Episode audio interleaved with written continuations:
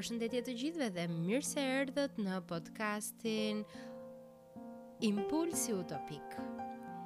Edicionin e parë të këtij podcasti do ta nisim me një libër interesant të një autori shqiptar, një bestseller do thosha.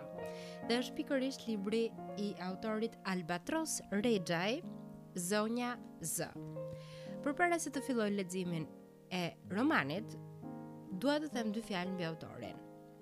Albatros Rexhaj është shkrimtar shqiptar i lindur në Prizren në 1975. Veprimtarinë e tij krijuese e zhvillon midis Tiranës dhe Prishtinës. Ai është autor i disa dramave për teatër dhe i librave, Si Lettera a un amico italiano dal Kosovo, Bombë në Beograd, Ditar dashurie i një shkrimtari dhe Edit. Veprimtaria e tij publicistike dhe letrare mund të ndiqet edhe në blogjet elektronike. Pa humbur kohë do të fillojmë me leximin e këtij romani shumë të bukur. Prolog. E dashuroja me gjithë shpirt. Në këtë lojë tonën të dashurisë nuk kishte vend për asgjë tjetër. Në tiktaket e pandalshme të kohës, çdo gjë tjetër bëhej gjithnjë e më pak e rëndësishme. Pjesa tjetër e botës shlyhej nga regjistri i vëmendjes sime dhe i lëshonte vend Zës. Ajo u bë qendra e universit tim, Zëja, vetëm Zëja. Shkrimtari shkruan për t'i dhënë kuptim lëmshit që ndjen brenda vetes, ndërsa mua më mjaftonte Zëja, ndaj edhe nuk ndjeja nevojën që të shkruaja.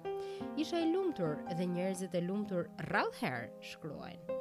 Në universin e Zës nuk isha më shkrimtar, nuk ekzistonin librat, nuk ekzistonin lexuesit, nuk ekzistonte ankthi i ëmbël në pritje të botimit të ri.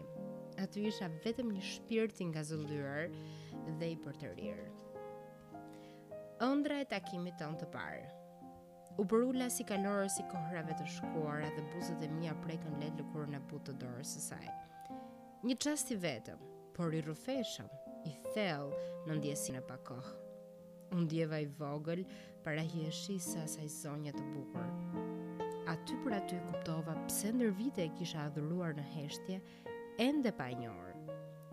Miliona imazhe m'u vërsulën duke më mbërthyer në dehjen e fantazisë pa kufi. Një duet i përkor. Ajo e lodhur nga bukuroshët memecë, ndërsa unë i mërzitur nga kukullat e pagjak. S'e kuptova sa zgjati ai çast, veç ndjeva kur ajo tërhoqi dorën sakaq, ndërsa unë u përpoqa të mblidhja veten. M'u duk se dallova diçka në buzëqeshjen e saj. Mos vallë kaluam nëpër të njëjtin vegim? Ndoshta njeriu vërtet sheh atë që zemra i dëshiron. Rigjetja Shqiptarët vazhdojnë të jetojnë në qerthullin e shtirjes kolektive, ku mjerimi shitet si devotshmëri, ndërsa lumturia kryqëzohet si një mëkat kardinal. Madje përpjekjet për ndryshim konsiderohen një lloj mëkati. Të jetosh në mesin e këtyre njerëzve është njëlloj si të jetosh brenda një flluske kohe, në të cilën kurrë asgjë nuk ndryshon. Gjithçka lejohet në mbrojtje të rendit të shëmtuar që sundon brenda saj. Kush nuk pranon të përqafojë mundësinë e flluskës dhe të mos heqë dorë nga ëndrra e lumturisë, luftohet si të ishte një ithtar i djallit. Meshkujt ëndrrimtarë stigmatizohen si të çmendur të shthurur apo perversë, ndërsa femrat ëndrrimtare demaskohen si të përdala, lavire dhe magjistrica. Këtë flluskë, unë dhe Zoja e përjetonim si një lloj purgatori, ku ishim të kurthuar të dy. Mjaftonte të mbyllnim sytë që të takoheshim në labirintin e moskuptimit të qëllimshëm nga të tjerët, aty ku pasiguritë ngujonin brenda heshtjes tonë. Ndiheshim të mpirë nga lëndimi i botës që nuk na kursente, por të qartë në ëndrrën që shihnim të dy. Mpirje dhe qartësi. Ky ishte paradoksi. Ky është sekreti që na mbante të lidhur me njëri-tjetrin, sepse unë dhe Zoja u takuam në kryqëzimin e dy botëve, aty ku jeta dhe vdekja përthithen me njëra-tjetrën. Të dy ishim të lodhur nga shterpësia e flluskës që na ngërthente brenda skemave të së shkuarës dhe nuk mund ta përballonim më që jeta jonë të na shteronte para syve pa ndonjë motiv. Ka mënyra të ndryshme të vetëvrasjes. Unë dhe Zoja kishim zgjedhur atë të vdekjes për së gjalli. Aq na bënte nëse në fund do të katandiseshim nën rrotat e ndonjë kamioni, do të binim nga ndonjë balkon të dehur tapë Apo do të përfundonim në ndonjë tualet të pisët me një koktejl antidepresivësh në dorë? Kjo s'kishte rëndësi. Që të dy e kishim humbur besimin se diçka mund të ndryshonte dhe se do të ishim të lirë të ndiqnim ëndrrat tona. Ndonëse këtë nuk donim t'ia pranonim as vetes, Ishim treguar qyqarë sepse në një farë mënyre ishim dorëzuar. Ndryshe nga ata që përfundojnë në litar apo zgjedhin ndonjë mënyrë tjetër të shpejtë për të ikur nga kjo botë, për ne askush s'do të pyeste se çfarë na kishte shtrënguar shpirtin. Do t'ia vinin fajin alkoolit, drogës a tangarllëkut Mes botëve ishte stacioni ynë i fundit, prandaj dhe s'kishim pse të nguteshim. Kishim gjithë kohën e mundshme. Dhe në vend t'ia ushqenim dëshpërimin dhe zhgënjimin njëri tjetrit, bëmë të kundërtën. Ndihmuam njëri-tjetrin të rigjenim magjinë e jetës. në atë vend, ku mbase gjithkush tjetër do të gjunjëzohej në aktin e dorëzimit të fundit, ne zbuluam forcën e dashurisë. Disa mendojnë se dashuria matet me pasionin dhe epshin, kujdesin material ndaj tjetrit, xhelozinë e shprehur apo ndonjë shenjë tjetër të tillë. Asgjë s'më bind. Kur dy vetë dashurohen vërtet, së pari janë shokë shpirti. bashkudhëtarë të sinqertë në çfarëdo rrugëtimi që ata zgjedhin. Ata flasin pareshtur, sepse çdo temë u duket interesante dhe me vlerë. Këtë bënim dhe ne, bisedonim për çdo gjë që na binte ndër mend. Unë kisha shumë pyetje, dhe ajo tregonte mjaft durim me kureshtjen time. Ndodhte që këto biseda zgjasnin deri në agim, aq sa më dukej se po jetoja netët arabe të Sherazades, Kisha ndjesinë se po rizbuloja veten. Atë vete që nën presionin e zhgënjimeve të njëpasnjëshme e kisha humbur diku përgjatë viteve. Isha si një fëmijë naiv përpara fshehtësive të jetës dhe delikatesës femërore. Pak para agimit ngërtheheshim me njëri-tjetrin për ta pritur mëngjesin të përqafuar. Ajo strukej në gjirin tim, më mbështillej fuqishëm rreth belit, ndërkaq unë e shtrëngoja A thua se trembesha se dikush do të ma grabiste? Dhe nëse do të më pyesje, pse Zoja ka pasur një ndikim kaq të madh mbi mua, do të përgjigjesha me vetë fjalët e saj. Mos u shmang para asgjëje, por sprovoje forcën tënde në çdo gjë që ta ngacmon shpirtin. sepse jeta nuk është një proces të cilin duhet ta kalosh në pritje të diçkaje që mund të mos vijë kurrë. Shprishe të rëndomtën dhe sfidoje përditshmërinë. Njeriu duhet të jetojë me pasion dhe guxim, sepse përndryshe është vetëm një spektator në këtë botë. E di fort mirë, mendimet e Zoes nuk janë zbulime revolucionare. Ajo flet për ato gjëra që të gjithë i dimë, të gjithë i ndjejmë dhe jetojmë. Por pak nga ne i shprehin. Por ndryshe nga të tjerët, zëja nuk hesht. Ajo refuzon të jetë një kukull e bukur dhe e pafjalë. Pavarësisht çmimit që duhet të paguajë, ajo rreket ta mbushë jetën me fantazi e t'u shkojë gjer në fund pasioneve të saj. Andaj, në sytë e puritanëve të qëmotshëm, ajo është një heretike, vazhduesja e lojës së gjarprit në kopshtin e parajsës. Dialog në kryqëzim të botëve. Unë.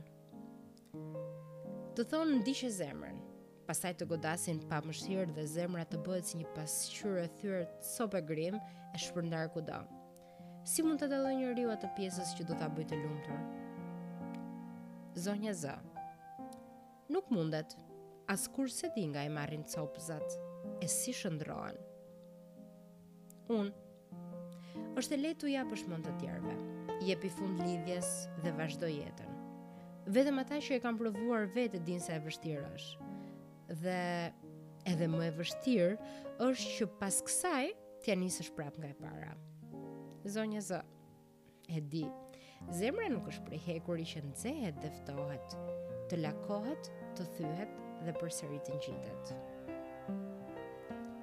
Takimi i parë.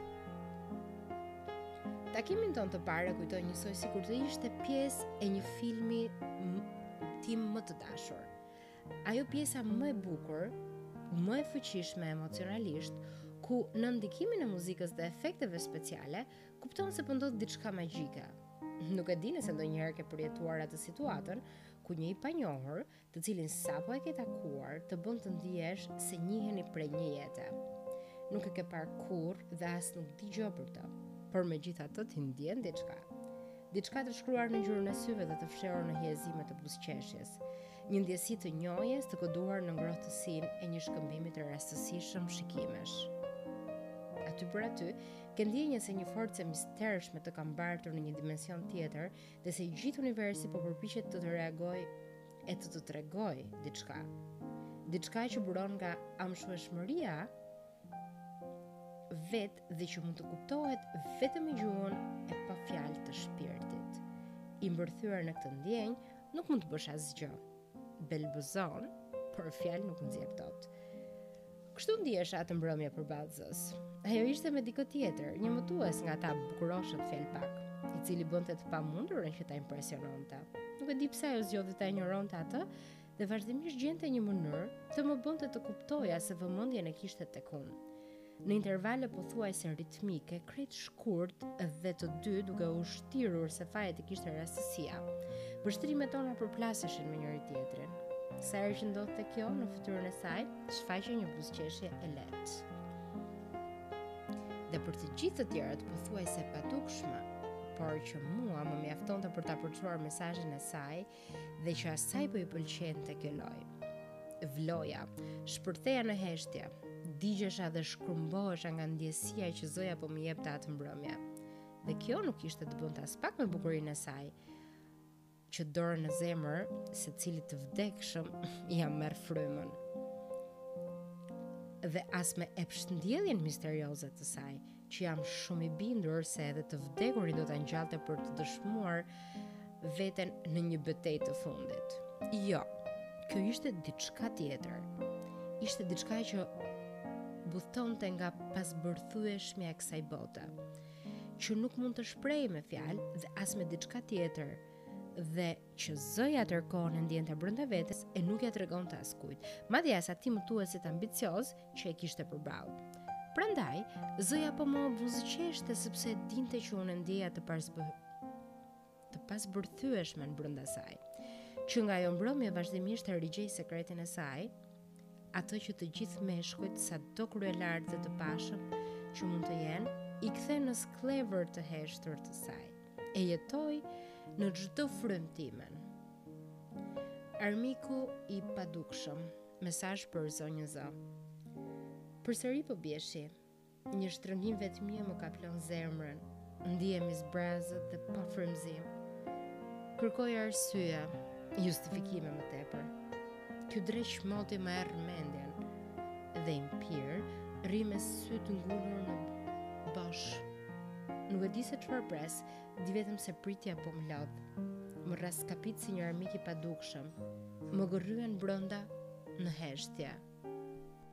E dashur Z. E sugjestionoj veten se nuk mund të ngrihemi më në këmbë, se bukuria nuk na bën më asnjë përshtypje.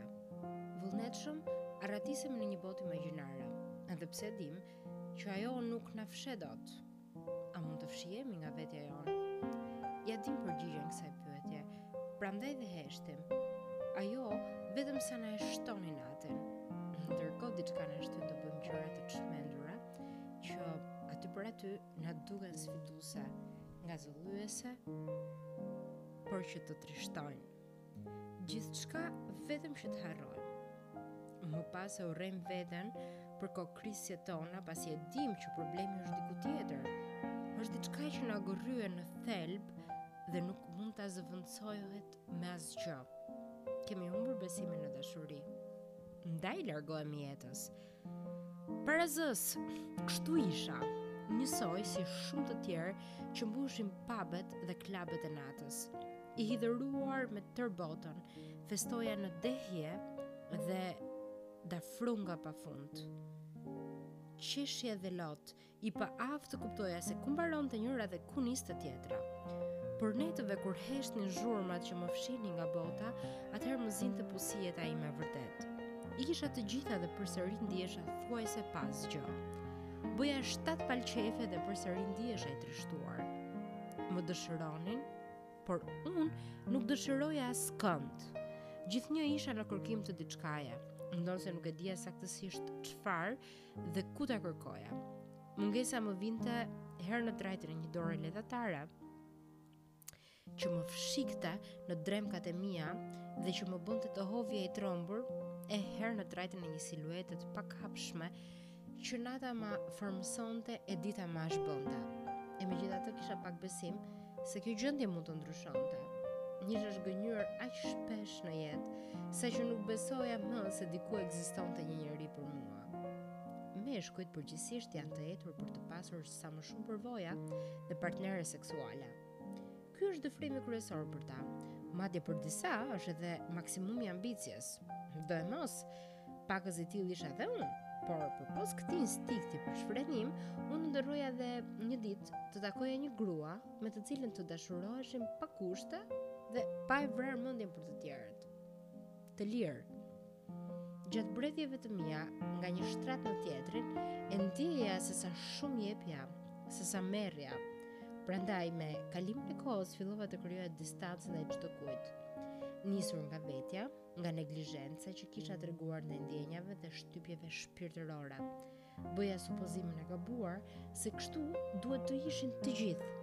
Nuk u besoja femrave, sepse në radhë të parë nuk i besoja vetes sime. Kërkoja femrën ideale edhe pse vetë isha shumë larg mashkullit të Dua të besoj. Do të më intrigonte ajo femër që nuk mjaftohej vetëm me vëmendjen time. Dikush që do të kërkonte diçka më shumë nga unë, nga vetja dhe nga jeta. Do të dorëzohesha përballë asaj që nuk do të ndalej përpara asgjëje, që nuk do të turpërohej nga natyrshmëria e vet, por druaj se kjo është vetëm një ëndërr dhe se një femër e tillë ekziston vetëm në filma dhe romana. Këto fjalë i kam shkruar para se të takoja Z-në, në një kohë kur vërtet besoja se në këtë botë nuk mund të ekzistonte dikush si ajo. Por sapo e takova dhe këmbeva disa fjalë me të, E ndjeva se Z-ja ishte ajo që do të bënte hije të gjitha femrave të tjera të jetës time. Asaj do të dorëzohesha. Atë ditë i shkrova një mesazh. Nuk dua të bëhem aq i pafuqishëm sa të të mohoj Asgjë. Nuk dua që zemra ime të jetë një lodër më shumë në kthetrat e tua. Grua leopard, e egër dhe e pamposhtur. Të lutem më kurse. Ajo e lexoi, por nuk më ktheu përgjigje. Për të mashtruar kureshtjen apo për të më dëshmuar fuqinë e saj mbi mua, pak rëndësi ka. Më në fund kisha rastin të jetoja ëndrrën time. Edhe pse një pjesë e imja ende nuk e besonte dot krejtësisht, përpëlitesha në dilema e dialogë pa përgjigje. Tregomë e dashur, ti ekziston vërtet? Duhet ta di. Pa ty gjithçka tretet në çast, thuajse krejt bota pushon së qeni. Nga frika sajoj arsye vetëm për të shkëmbyer një mesazh me ty. Më duhet të ajros mendimet dhe shpirtin sepse bëhet vapë dhe zagushi. Endem mes një mjegulle nga zemra që më digjet prush dhe nga mendja që po më luan rrengje. Më trego, ti ekziston vërtet? Duhet ta di. Kam nevojë ta dëgjoj nga ti. Sinqeriteti.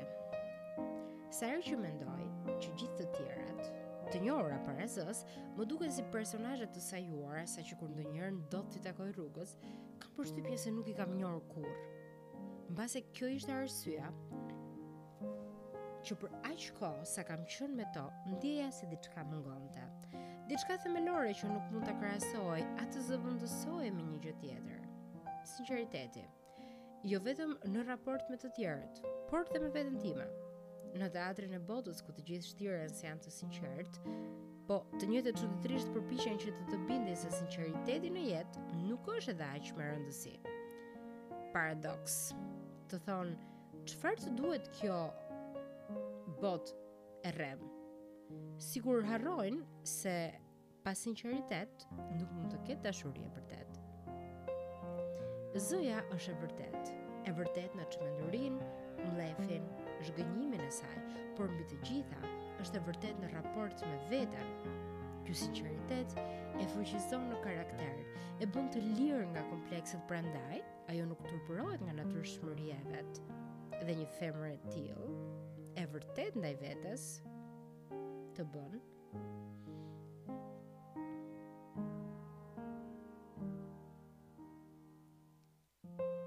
e lirë nga komplekset. Është ideali im. Një grua leopard, një mbretëreshë e shtratit dhe një magjistricë e shpirtit. Tërë jetën kam menduar se lumturia është diçka e paarritshme, por gjatë kohës që kalova me Zonë, e kuptova se lumturia fshihet tek ngrohtësia që të jep njeriu që ke në krah. Dikush që nuk të bëhet vetëm dashnor, por edhe bashkudhëtar shpirtëror në jetë. Një njeri që i jep kuptim ekzistencës sate. Herë-herë as vetë s'e kuptoj ç'e ndryshoi, çfarë ndryshoi Zëja tek unë. Është diçka intime që vështirë mund të vërehet nga jashtë. Ka të bëjë me domosdoshmërinë që ndjej për të treguar vlerësim dhe respekt për femrën shqiptare, por edhe nevojën që të jem i sinqertë për ndjenjat e mia, së pari në raport me veten dhe më pas në raport me të tjerët. Zëja ka një fuqi të jashtëzakonshme ndikimi. Ajo nuk flet nga një katedër boshe, fjalët e saj janë gatuar gjatë peripecive të shumta të vetë jetës së saj. Një femër e tillë të futet në lëkurë dhe dashje pa dashje të bën të mendosh për diçka. Ajo të nxit të rishikosh veten. Prandaj besoj se mirëkuptohem kur them se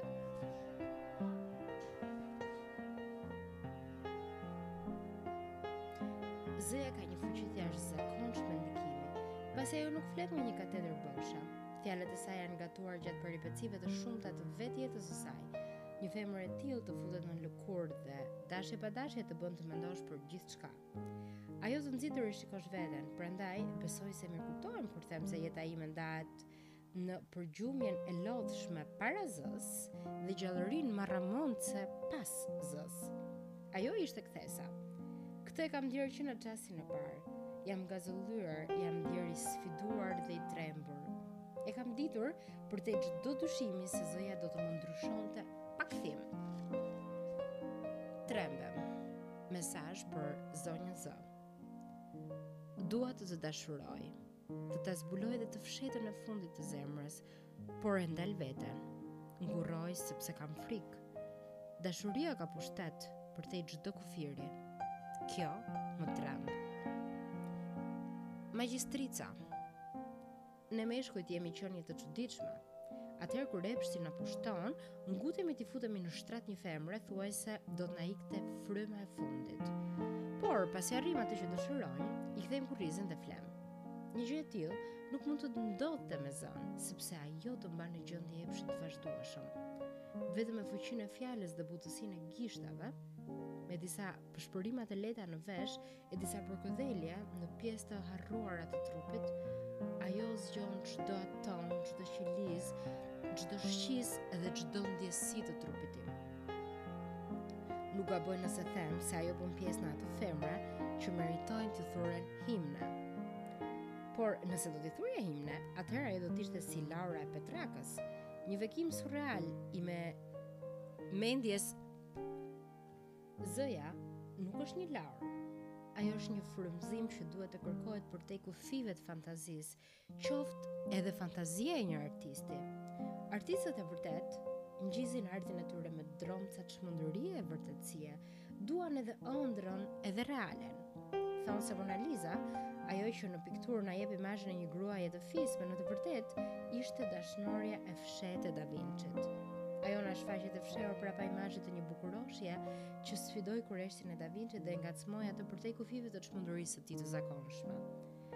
Prapa qëndrimit të qetë dhe hijerëndë, fsheh vorbullën e një furtune të madhe që t'i çon peshë shqisat dhe ndjenjat. Në sytë e saj fshihet një vulkan i pasionit të virgjër, të egër, të pastër. Ka kohë që e vras mendjen, çfarë ngacmimi të fuqishëm duhet të ketë nxitur Mona Lisa, që çmendurinë artistike të Da Vinci-t ta zhvendoste përtej çdo kufiri të njohur për artistët e kohës. Besoj se ngacmimin sublim Da Vinci kishte zgjuar në shtrat, i mbërthyer në kthetrat e pështjelljes dinake të Mona Lizës. Zëja më thotë se këto janë ëndërrolitjet e mia, se jam i dhënë pas iluzioneve të lidhjes mes gruas dhe magjisë së artit, dhe se veç atë unë e përfytyroj eterike. Ndërkohë, ajo rreket të më bindë se është tokësore, e prekshme, por për mua mbetet Mona Lisa ime, magjistricë e ndjesive të mia. Nuk dua të shtirem. Mesazh për zonjën Zë. Pse të shtirem se nuk të dëshiroj? Krejt çka dua është të jem afër teje. Si një trup i vetëm, njësh me njëri-tjetrin në harmoni ritmike, si çelësi dhe dryni magjik bërë veç për njëri-tjetrin. Pse të shtirem se nuk të dëshiroj? Dua t'i mësoj të gjitha dihatjet e tua. Dua të jem ai që çliron pafundësinë brenda teje dhe para të cilit nuk turpërohesh për macen e egër që në të vërtetë je. Atë që ëmbëlsisht grith në delir dhe mjaullin për inat të fqinjve. Pse të shtirem se nuk të dëshiroj, kur vetëm afër teje e ndjej fundin e vetmisë time. Dhe me këtë mesazh për zonjën Zë, do të mbyllim episodin e parë të romanit Zonja Zë nga Albatros Rexhaj. Shpresoj që të ndiqni dhe të shkarkoni podcastin tonë, të cilin do ta gjeni në Spotify, në Apple Podcast dhe në të gjitha platformat